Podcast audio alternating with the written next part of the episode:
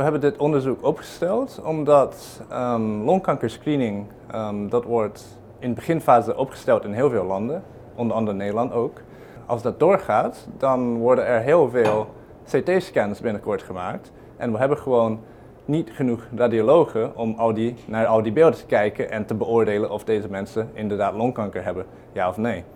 Dus als oplossing um, moeten we eigenlijk deze methodes gaan automatiseren. En dat door de beelden aan computers te laten zien en aan de computers te laten beoordelen. Nou ja, niet alleen of die mensen longkanker hebben, maar we kunnen ook kijken naar bijvoorbeeld of ze hart- en vaatziektes hebben of COPD.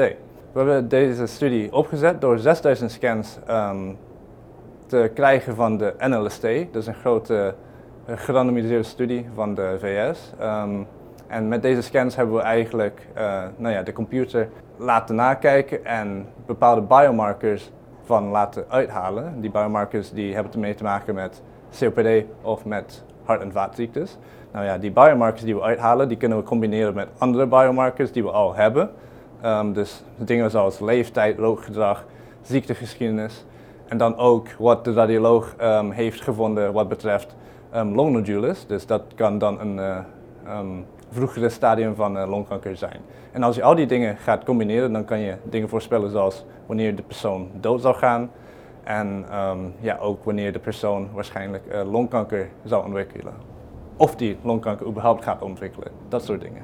De belangrijkste resultaten die we hebben gevonden is dat um, als je all-cause mortality wilt gaan voorspellen, dat deze nieuwe biomarkers die automatisch door de computer zijn um, waren gevonden, dat die eigenlijk best veel toevoegen aan wat we hiervoor hadden.